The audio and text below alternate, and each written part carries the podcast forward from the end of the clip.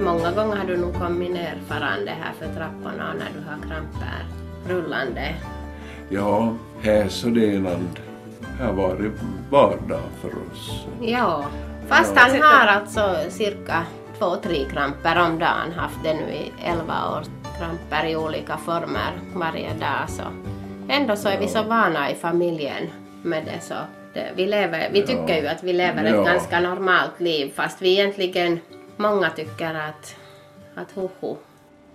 I dagens samtal om livet ska vi få träffa Kajsa och Mårten Mattbäck i Nykarleby.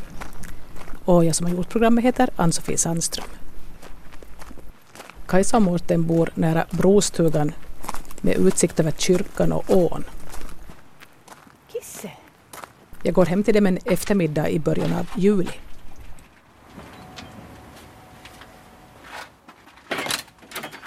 Goddag! Goddagens! Jag står här med mikrofon i högsta hugg. Ja, välkommen, välkommen. Jag träffar Kissy du. ja, Vad heter Kissy? Råkar du Pelle? Är det Pelle? Ja. Har ni fler? Nej. bara Pelle som är Pelle. Ja. Vad söt. Nu har ni fin utsikt därifrån. Ja. Faktiskt, den här stans bästa utsikt. Vi trivs Ja. nog. Ja. Ja, huset skulle kunna lite renoveras men den här utsikten kan inte man. Ni kan inte, ni kan inte göra mycket åt den som skulle förbättra det. Excuse the mess, but we live here. Vi satt bort barnen idag. Vi tänkte de kommer hela tiden och mamma. Mm. Hur många har ni? Två barn. Egna barn. Jag har två, Emma och Erik. Hur gamla är de nu? Åtta och nio. Erik Ja. är nio och Emma är Ja. åtta.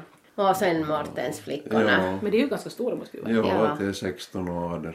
Ja, Så en är myndig den. ja hon skrev studenten nu. Minea. Jag tror jag var, gjorde en grej med honom när han var hemmapappa. Det Ja, med, var det med, var, det var- Minea, det är hon Det som är det. med Minea, Nej, ja. då var ja. hon liten och jag tänkte men himmel vad åren går. Ja, Ja, tänk. han Alltså det. träffade så snabbt. till- Nej, jag träffade Morten så Ja. var Moa fem och Minea var sju.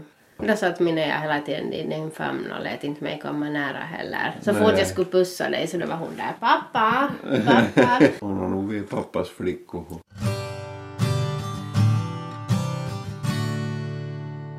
Jag heter Kajsa Mattbäck, 42 år, gift med Mårten och eh, jobbar som sjukskötare.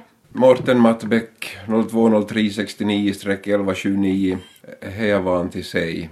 Jag kommer någonstans. Men annars, eh, annars det här. Gift med Kajsa Mattbäck.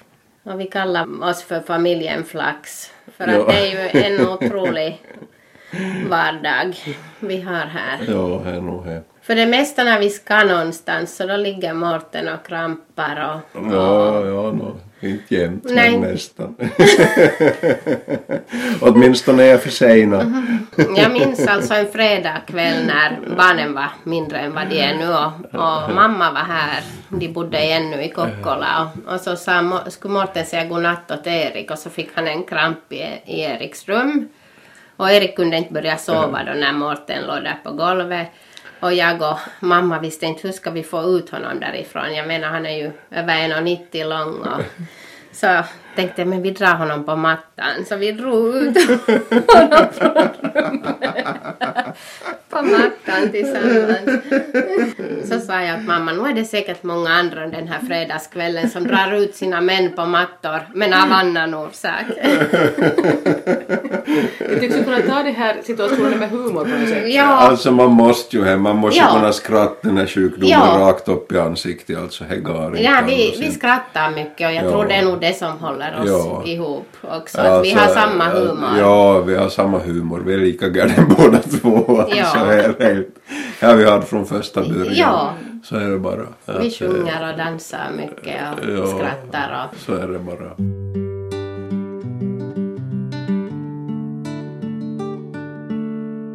Så nu tänkte jag då vi skulle ta och berätta om hur, hur ert liv är och hur blev det som det blev? mm. Ja. Hur träffades ni?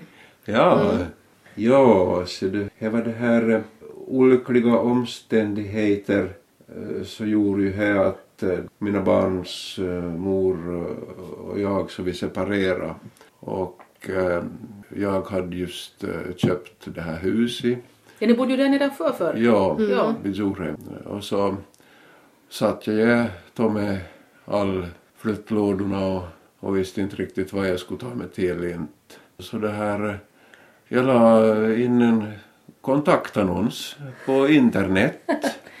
Så det här, jag, jag sökte en lång, rik och vacker dam. Ja, Och det är jag då som är 1,60. jag är 1,63 faktiskt. Och du svarar. Ja, Ja. eller jag satt på jobbet.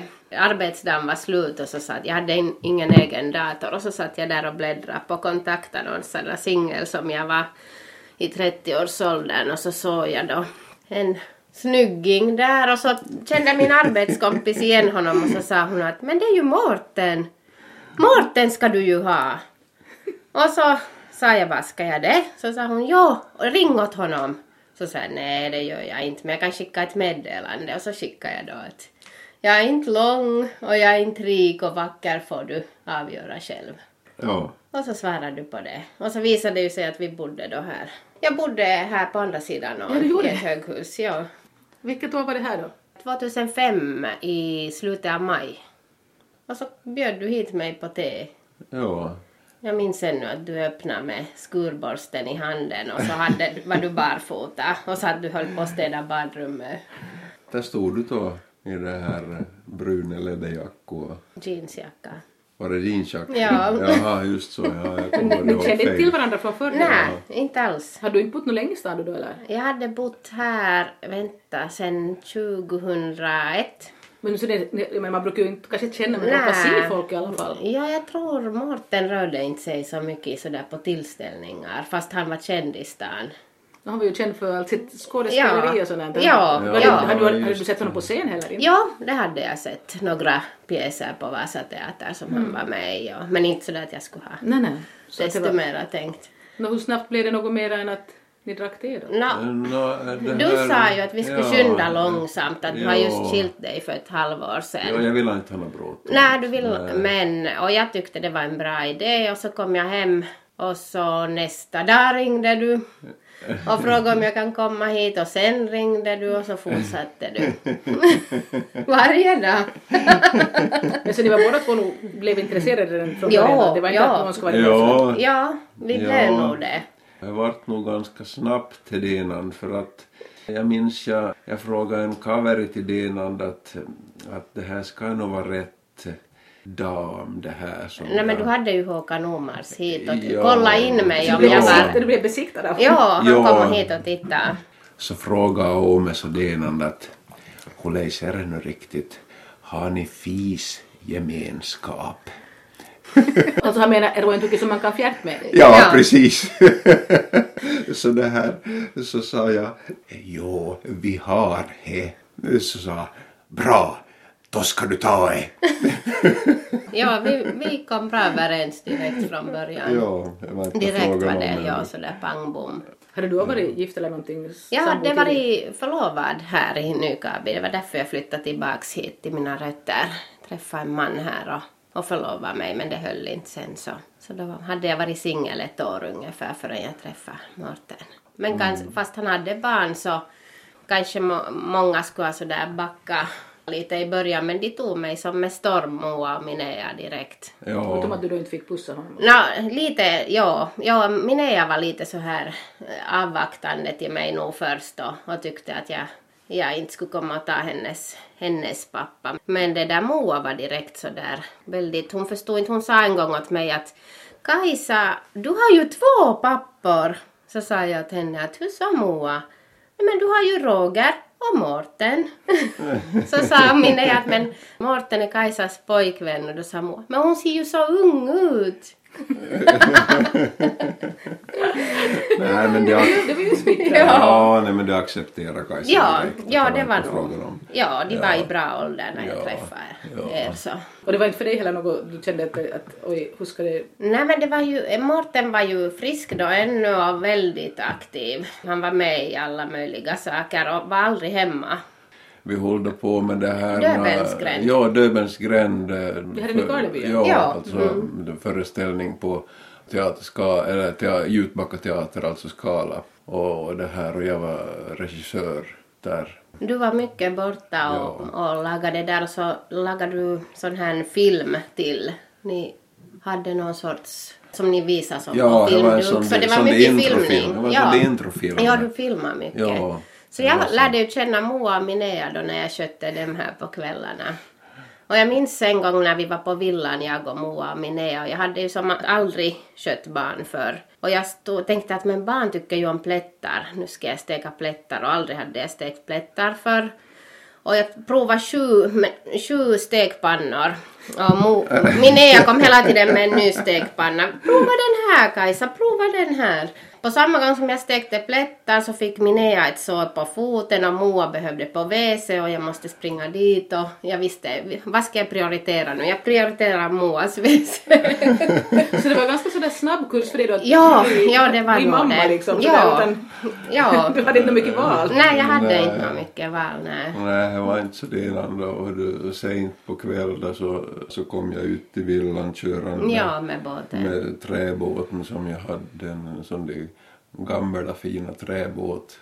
Vi hade våra romantiska turer. Ja, med bordellen. Ja. Ja. Det var det var en kort stund den här Ja. Mårtens friska tid med mig. var, Ja, ett, ett halvår. ett halvår bara? Ja, det var fredag eftermiddag 2 december 2005. Mårten skulle ha föreställning igen där på, på Skala. Och eh, han gick på samma gång som han re- regisserade den här pjäsen så gick han också på den här Gener- generationsväxlingskurs. Ja. Överlag. Ja, för att ta Ja. över jordbruket i Ja. Bäckby. Och den dagen var han på studiebesök till eh. UPM Kymmene, ja. Och eh, tre på eftermiddagen så hördes vi ännu om vad, vi ska, vad han ska köpa hem för mat som vi skulle laga på kvällen när vi får gäster. En halvtimme senare så ringer de från ambulansen och berättar att Morten har, har fått en kramp. Ja. Ett epileptiskt anfall Ja, på jag, UPM ja, jag, Kymmene. minns, jag minns ännu att då jag fick det här första, första epileptiska anfallet så, så var vi på väg upp för en, en sån där spiralståltrappa. Han hade varit lite förkyld, kanske två veckor före. Sådär förkyld, lite sängliggande mellan varven men en sån där vanlig förkylning med feber och snuva. Och for ändå förstås på morgonen för han måste vara på de här kurserna. Och sen när de ringde åt mig så, så kom jag dit till akuten till Jakobstad och så hade han en till kramp där. Och så lugnade det ner sig. Du var helt vanlig som dig själv. De funderade ska du lämna där på övervakning eller kanske du slipper hem till natten. Sen så fick du igen ett anfall. Och så ringde jag efter min mamma och pappa. Pappa som var öron-, näs och halsläkare i Kokkola då. Och eh, han kom dit med mamma och så märkte han nog ganska snabbt att du ska inte hem och du ska inte lämna där på övervakning utan du ska skickas iväg. Och så skickades han med ambulans till Kokkola. Han såg att det var någonting som var... Ja, han sa att det här är inte, att här är nog någonting annat och han började väl själv att misstänka att det här kan vara någon sorts hjärninflammation. Och han kontaktade neurologen i Kokkola. Den här neurologen satt på tåget från, från Helsingfors mot Kokkola och sa att han kommer direkt, tåget kommer snart till Kokkola, han kommer direkt till akuten och tittar. Och så samlades de där. Jag for hem då, vi skulle ha gäster, de var här hos oss. Mamma och pappa for med till Kokkola och neurologen var där och så sa neurologen nej det här verkar nog suspekt att han sätter på det här herpesmedicinering direkt åt Mårten ifall det skulle vara frågan om herpesenkefalit och det var det ju. Ja, och sen så, så hölldes jag nersövd där och, och det där i åtta veckor. Mm, Ja men du väcktes upp Och- emellanåt. Ja, var det så? Ja, de försökte Ja. väcka dig. De försö- han hade så massor med kramper så de sövde ner honom direkt. Och sen efter någon vecka så, så försökte de väcka upp honom igen och han flyttades ner till avdelningen och, och då friade du till mig. Jaha.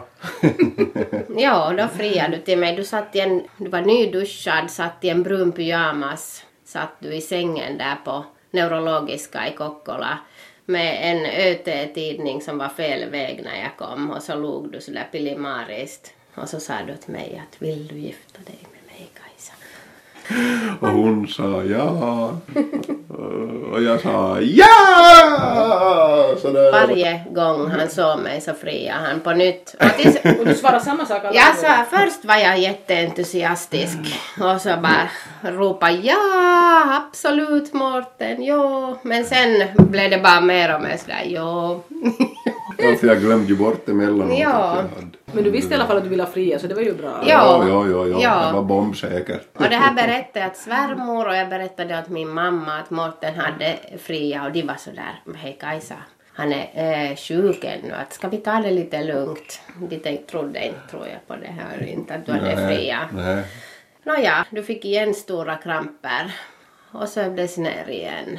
Och de kunde ju konstatera på magnetröntgenbilderna att han hade då stora skador på båda sidorna här på hippocampus, på minnesområdena. Och eh, det påverkar ju närminne och sen också den här Ja. förmågan att orientera sig i tid och rum lite. Det var det som var konstigt att eh, just när jag, till jag vaknade upp så jag frågade att, eh, att, att hur många dagar har jag riktigt legat här på sjukhuset och så sa de här att nej, hör du pojtsi, du har, du har legat här åtta veckor, sa de. Och jag sa va? Åtta veckor? Och jag kunde Ja, som du inte- förstod inte att du hade Nej. varit så länge. Eftersom du- han var nersövd mellan varven. Nej. Och det var som så konstigt för att eftersom jag hade eh, så de stora skador så, så det här så hade, hade som alla personer i min närhet, alltså, eller det vill säga alla som jag kände, så hade som varit minst fem, sex år äldre på en gång.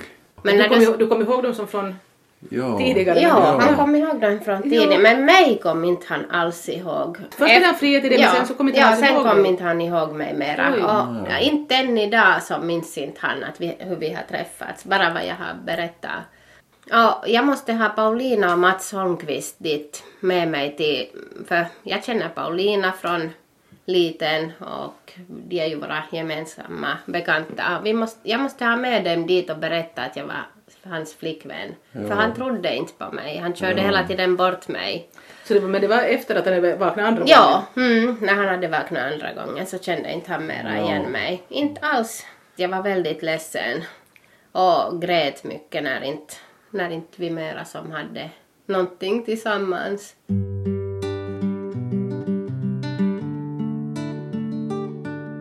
Så i vilket skede började du komma ihåg henne sen efteråt?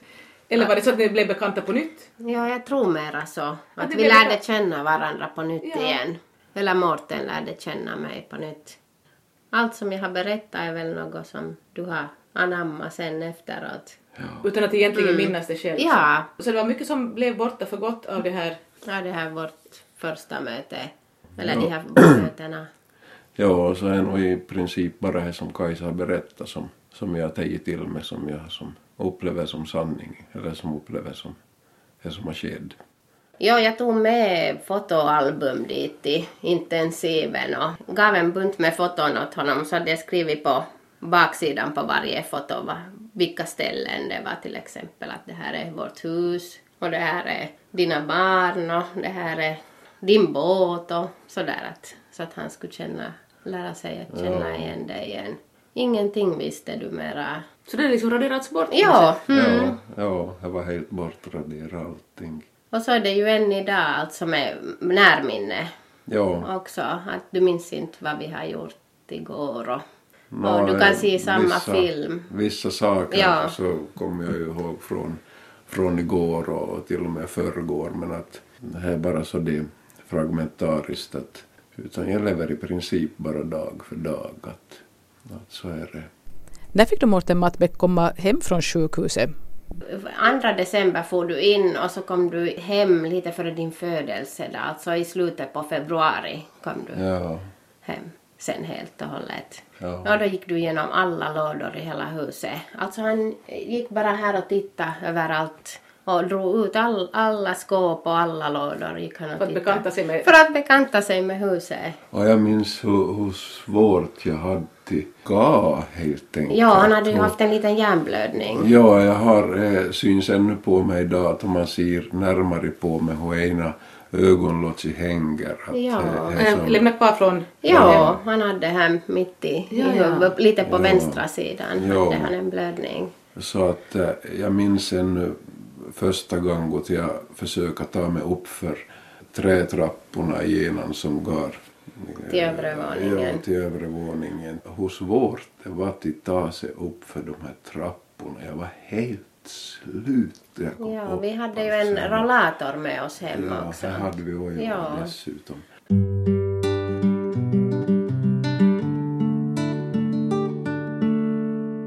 Han friade många gånger och sen glömde han bort dig. Ja. När gifte ni er då? Ja. Det är ganska lustigt det för vi hade faktiskt bröllopsdag, tio års bröllopsdag i fredags.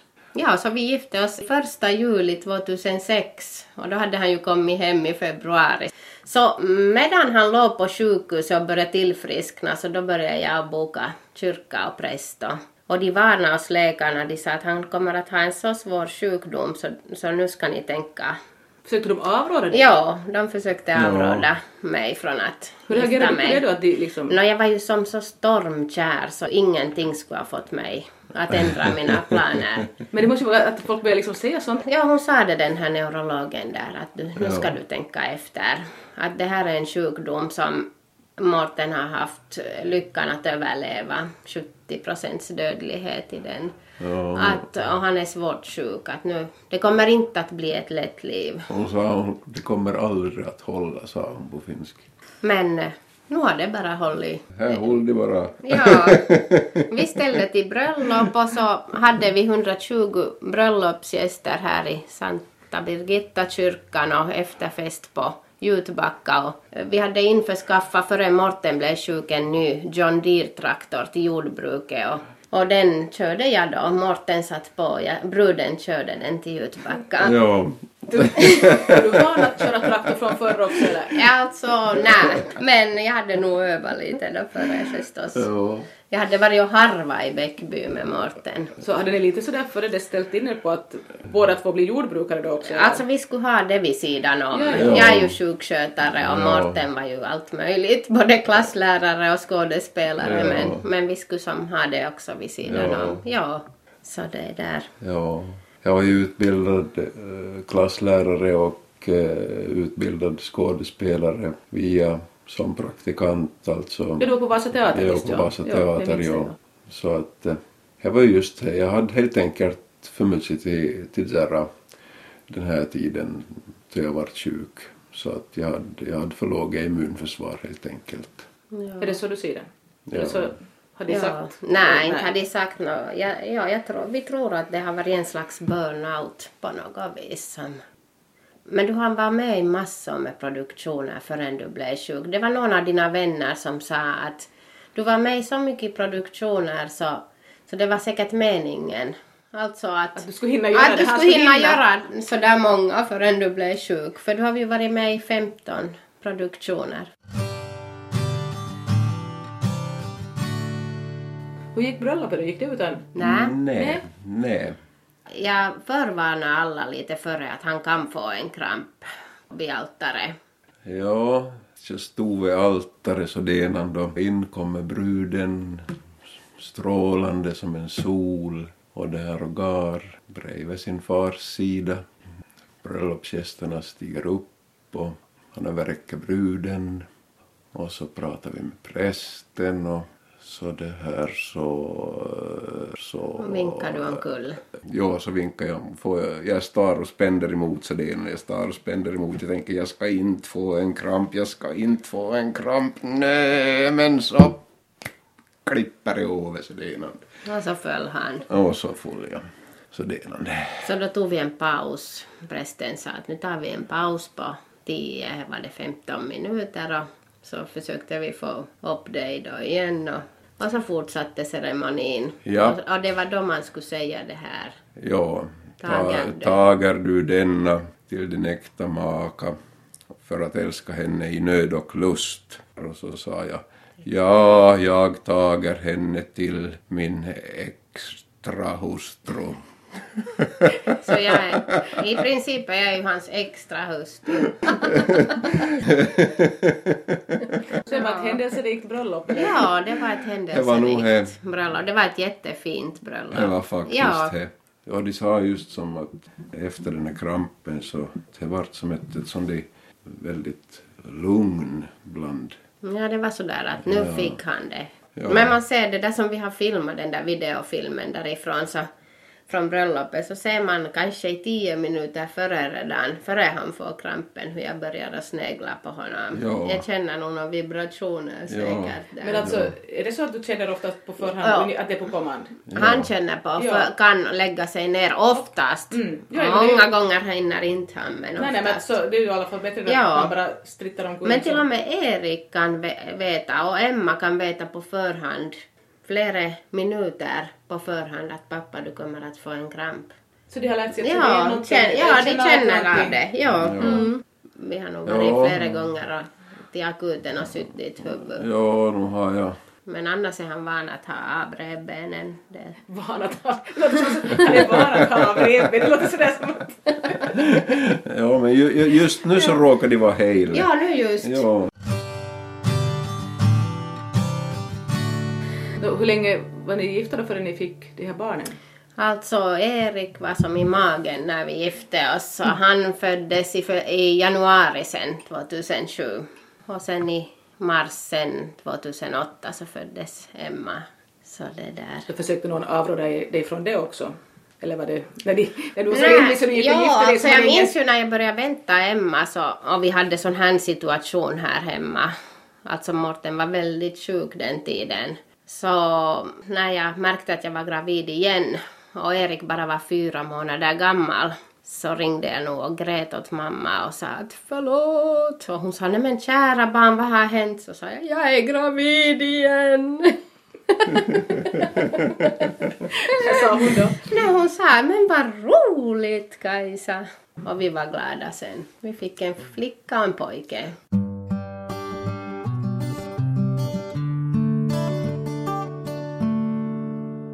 Hur inverkar då Morten Mattbäcks sjukdom på familjens vardag? Man är ju just det att jag kommer ju aldrig ihåg vad folk heter och så Jag kommer inte ihåg vad barnens eh, kompisar heter. Det, skräcken, eller irritationen finns ju alltid kvar i, i bakhuvudet om man går ut på stan till exempel, om man ska ha handel eller någonting. Så finns ju alltjämt där att eh, kommer jag att få en kramp nu att Ja. att här är lite frissamt och ja, den här epilepsin hade ju som sagt Ja. aldrig lyckats få bort. Han har blivit Nej. skött i Kuopio på universitetssjukhuset där på Epilepsia Keskus i sex år. Sköttes han där av, av dem och det gjordes olika undersökningar ifall det skulle kunna gå att operera eller medicinera bort eller göra någonting men de har provat alla mediciner och de har provat att undersöka det men, men det är så stora skador så det går inte att operera. det var fruktansvärda tider innan just då de provade fram de här medicinerna. Eh, Ja. Just jag hade så det mycket kramper att det var så det pass eh, hårda fysiska kramper just då, då kroppen spänns eh, i riktigt svåra och man dras ihop och man, man riktigt sprätter ut med all kraft och man, ja, man är helt, alltså man är helt eh, slut efter en sån där kramp. Alltså det tär så på krafterna. Ja, det här är allt gjordes ju då när barnen var nyfödda. De har bara 13 månader emellan sig, Erik och Emma, som nu är 8 och 9. Och Erik var nyfödd, då började de ungefär med de här undersökningarna Ja, i Kuopio. Erik kunde inte gå när Emma föddes. Så. nej. Och det var den sommaren 2009 när han fick ett grannmallanfall som blev sån här status epilepticus så att det, han slutade inte att krampa här hemma utan måste sen sövas ner igen. Så det kan bli så så att det liksom blir på Ja, på det vis? blir på de där Ja. kramperna. Ja, det slutar inte. Och det var en morgon här, 17 maj 2009. Och då det där fördes du igen till Kokkola och sövdes ner. Och eh, då var ju, alltså Emma var, var hon då? Hon är född 2000, hon var lite på ett år. Då var du borta i tre månader. Tre månader då, ja. Ja, 10 augusti kom han hem sen. Så vi har videofilmer när vi går där i sjukhuskorridorerna när Emma har lärt sig vid midsommar att gå sen så går ni hand i hand du och Emma där. Det är nog många ambulansresor man har gjort faktiskt. Ja, vad barnen har liksom växt upp med de där ambulanserna som har sprungit här och fram och tillbaka. Ibland kan de ännu säga att den där ambulansmannen minns jag mamma, att han är så rolig att leka med. Han var ju bara två år Erik när Morten föddes med ambulans och stod han på trappan i sin pyjamas och så ropade han efter dem. Ta en CT! ja, de stannade riktigt upp och så tittade de på honom och så sa de nej, va? Det var inte någonting med en gång gå att, äh, att äh, det här ambulansmännen och ringde åt det att ska de ta Ja, ja, det var ju. Jag var på jobb och Morten har ett sånt trygghetsalarm så det får till en alarmcentral i Kokkola så ringer de till ambulansen om han behöver hjälp när jag är på jobbet. Och då hade han tryckt på det och ambulansen kom hit och så ringde de från Nykarleby ambulansen och frågade mig att ni har en stek i ugnen, att ska vi ta ut den eller vad ska vi? Så då sa jag, men inte har jag satt någon stek där? Ja, här är en stek i ugnen. Då var det mamma som hade varit hit och satt på mat. Mm. Men många gånger har du nog kommit ner farande här för trapporna när du har kramper rullande. ja här så det är något. Men att äh, idag så här var det vardag för oss. Ja, att här är inte som några konstigheter med hänt. Att Det man, kan liksom... fast han har alltså cirka två, tre kramper om dagen haft det nu i elva år. Kramper i olika former. Ändå så är vi så vana i familjen med det så. Det, vi, lever, vi tycker ju att vi lever ett Ja. ganska normalt liv fast vi egentligen, många tycker att, att hoho. Men det är så Ja. man, man vänjer ju sig med allt egentligen. Ja, Ja. man gör ju det. Och barnen har ju förstås vant sig. Det är ju sorgligt att Erik ibland har frågat under sin uppväxt att när ska jag bli sjuk då? Han tror att det hör till att alla blir Han så. tror att alla pappor blir sjuka för ly- olyckligtvis så har ju min far, pappa, har insjuknat i Alzheimer här under de här åren och är på anstalt. Så att han tror att alla... Alla pappor ja, blir någon gång. Han funderar om det är kanske då sen efter att man har fått barn som man blir sjuk. Men, Vad eh, svarar du då? Eller vad jag svarar svarar ni att det är många mammor som är sjuka. Och det här Inte är det bara ingen, pappor? nej, det är inte bara pappor. Det är många mammor som har epilepsi och är sjuka. Och, då? Varifrån får du styrka att orka du? det är nog av att det är av er jag får min styrka. Kul. Och sen, ja alltså jag är ju en sån öppen person. Jag tror att mycket har att göra med det att vi bor i en ganska liten stad där folk känner varandra. Jag jobbar här på sjukhuset i, Nykarleby och, och man känner mycket folk. Och när man är mera öppen, har varit så här öppen som vi har varit med din sjukdom, så får man också mera stöd av andra personer istället för att gömma det. Och att nu vet alla hur vi har det och, och mina vänner och, och bekanta vet om jag ringer att de behöver komma och, och hjälpa en stund eller de kan ta barnen en stund. Och, och min mamma har ju varit ett jättestort stöd ända sedan Morten blev sjuk. Så Ja, utan ja. henne skulle, skulle vi inte ha klarat oss där i början tror jag.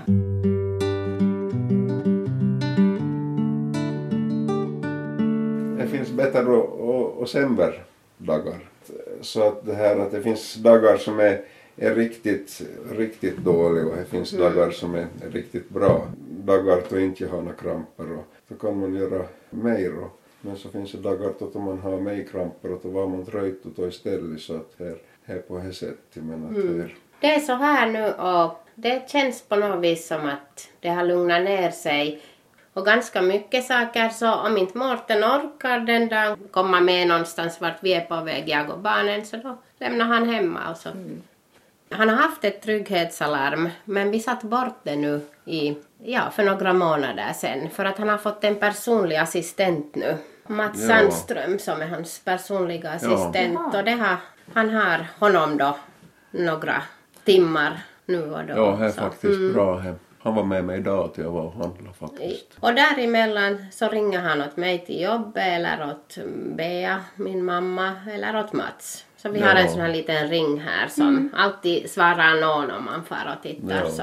Sen vet jag annars går jag nog hem och försöker sköta det här hushållet och man försöker ju backa upp Kajsa så, så mycket som är garat. Mm, och det gör du ju mass. Vem annan kan fara till jobbet och lämna frukosten framme? Ja, det är nog få människor som kommer hem till att du har ställt bort allt och gått och pysslat här. Och...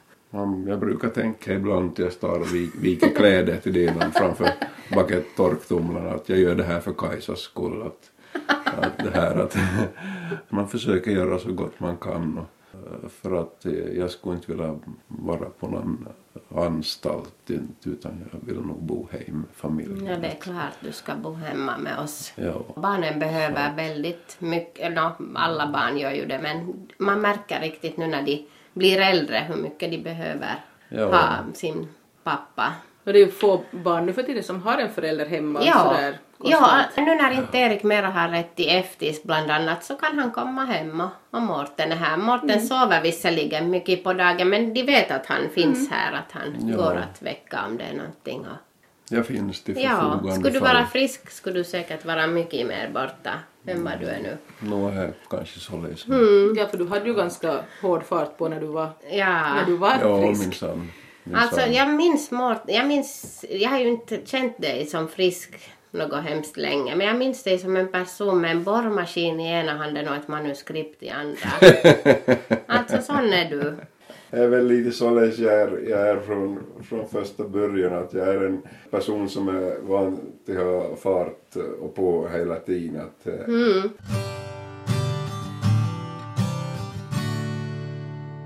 För ett och ett halvt år sedan så blev jag ju själv utmattad och blev sjukskriven så jag var ett år hemma nästan du, sjukskriven. enk- du hade helt enkelt en TIA-attack. Ja, jag fick en TIA-attack. Alltså det här som är som mindre- Ja, en sån här liten stroke som får tillbaks sen. Hur märkte du det då? Alltså jag satt vid frissan en kväll och ena ansiktshalvan och, och det här ena kroppshalvan började kännas sådär domna bort helt enkelt och ena ansiktshalvan började hänga. Så du, så, du satt... Ja, vid frissan så jag såg så ju du såg det. själv liksom? Ja, och så for jag iväg till eh, arbetet i Poli här i Nykabi och så skickade de mig till Kokkola. Men eh, jag tror inte, och inte tror läkarna kanske att det har varit egentligen en TIA-attack utan det, det står under namnet det för att man kan ju inte avfärda det heller sådär men man tror nog att jag har fått en burnout. Jag var på sjukhus då jag låg där de undersökte om det var något kärl som var stockade eller någonting men man hittar nog ingenting sådär fysiologiskt. Men trött Men kan det inte vara just att det, att det hinner försvinna liksom? Ja, ja, det hinner ju försvinna. Ja, så därför kan inte man av- avfärda det heller. Men själv så kände jag mig efter det väldigt utmattad och trött. Jag låg på soffan här i flera månader och jag minns att vår son Erik sa åt mig.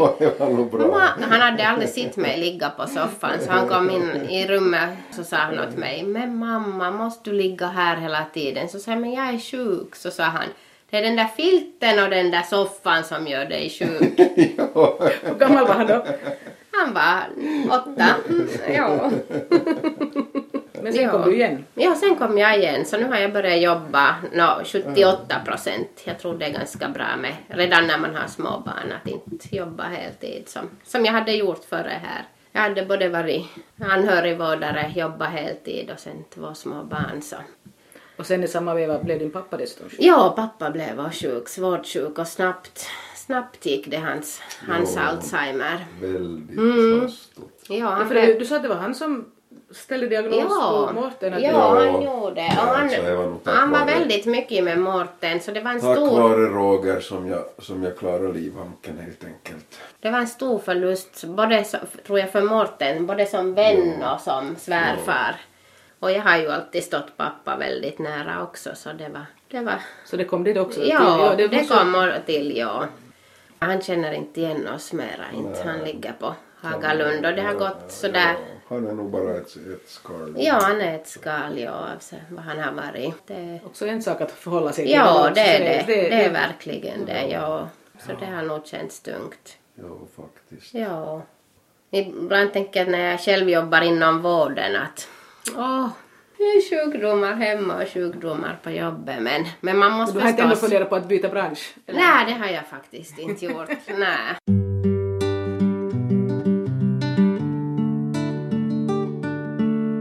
Ganska tungt säkert för en man i Mortens ålder. Att han var ju 36 år när han blev sjuk. Att inte ha på det viset något. Att du inte har ett, kan jobba mera Nej. utanför hemmet Jag har nog en så stark längtan kvar tillbaks. till livet. Till, ja, till livet. Till scenen. Till, till det här teaterlivet. Alltså det är nog, det är nog någonting som jag, som jag fortfarande drömmer om. Nog, Men du har ju varit med lite på några produktioner. ja, Det har jag varit. Och det skulle jag gärna fortsätta med. Och det här, då vi var på en race och över till Umeå, det här just jag och, och Mats Sandström, så sa han här att, jag sa, jag sa vad, vad, vad ska jag hitta på? Så sa han här att, nej men varför, varför tar du inte och skriver en monolog om dig själv? Så då, då började han liksom som tvinnig i det här i Hövbo med Dinan då.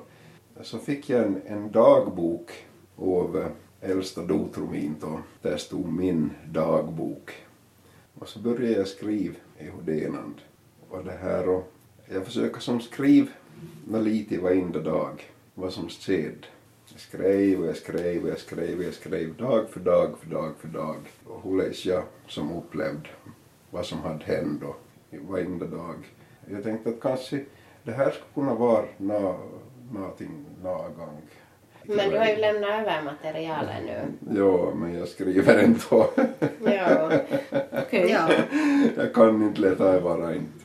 Det är så roligt att skriva. Ja, han, han lämnade över till Ann-Louise Bertell så hon skulle få se över det lite om det Ja. skulle kunna bli till någonting. Ja, hon har lovat att vara, vara min dramaturg på det här. Så att, nå det här går nu för tillfället under arbetsnamnet Krampjävel. Ursäkta nu alla ni som inte tål svordomar. Nå, men Ja. är det nog en ganska mild svordom. Ja, det är ändå det.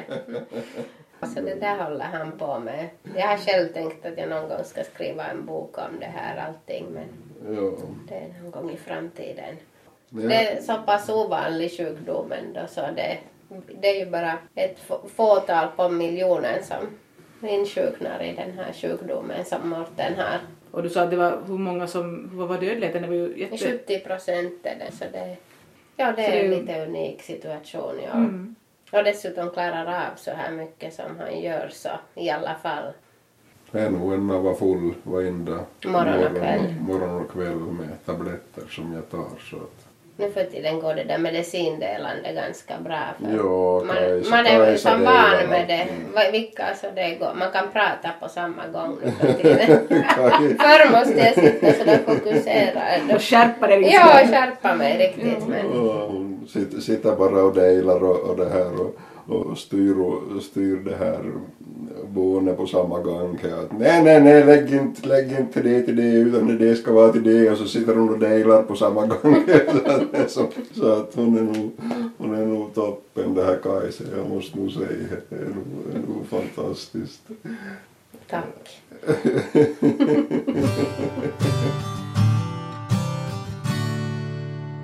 Hur skulle det varit annorlunda ifall ni skulle haft liksom, om ni skulle typ varit gifta tio år innan före det här hände? Men det där har jag ibland tänkt på. Ja, hur det skulle vara om jag skulle ha känt honom längre tid före. Så det kan ju hända att det är mitt yrke och min kunskap som gör att jag har haft lättare. Men det kan också hända det att, att när jag inte har känt dig från förr så ser inte jag den där samma stora förändringen som, som dina anhöriga ser. till vänner som var med närmast just då jag vart sjuk så de upplevde nog som en, en eh, jättestor förlust. Ja, det var det jag menar. Ja, och här är nog ett mycket fåtal som jag har kvar idag. Att, eller som tar kontakt. Eller jag skulle väl, jag skulle väl egentligen själv ta kontakt med dem men vad man vill vara så sällan det innan som man... Alla har sitt eget liv. Ja, just det. Men du har fått nya vänner som betyder ganska mycket för Ja, dig. Bland ja. annat då Mats och... Ja, så är det. Finns det någon sån där livsvisdom eller någonting, några lärdomar som ni tycker att allt det här har liksom lett till för er? Carpe diem. Ja, det där har jag nog svårt att anamma. Jag lever ju alltid en dag på förhand. Om inte två. Men du är carpe diem, ja. Det lever du efter. Fånga dagen. Det som jag tror på är ju det här att allting har en mening som sker. Ja. Det har man, man har blivit en sån här fatalist med åren. Och allting ordnar sig till sist på Ja. något vis. Ja, så är det. På något sorts sätt så ordnar det sig. Jag har sprungit till så många psykologer och det har sagt så det att, att det här att du var lejd till, till prata med i sjukdom, att folk frågar hur du har det, då ska du fråga att hur har du det själv? För det finns inte nå, nå mer hjärn än, det här, de vill eh, inte prata om sig själva. Eh, Så det här, då börjar de berätta. Då, då, då, är det Då behöver du inte prata om eget. Nej, då är det bara till stå och lysa. Ja, det är ganska bra Ja. sätt. Det är ganska bra sätt till slipp till tala om mig i Jo, sjukdomen. för kan att man i, i något skede kanske man inte riktigt Nej, orkar. orkar prata Nej. om ett och samma. Nej, det är ju så. I- Då i början när Morten hade blivit sjuk så satt vi mycket här ute och filosoferade om din sjukdom. På trappan satt vi på kvällarna och filosoferade fram och tillbaka om sjukdomen. Tills det kom till en ända när inte man orkar prata om den mera. Nej. Alltså man blev så Att liksom, fed up. Jag kan tänka mig att du Ja, det Det är blev så. så.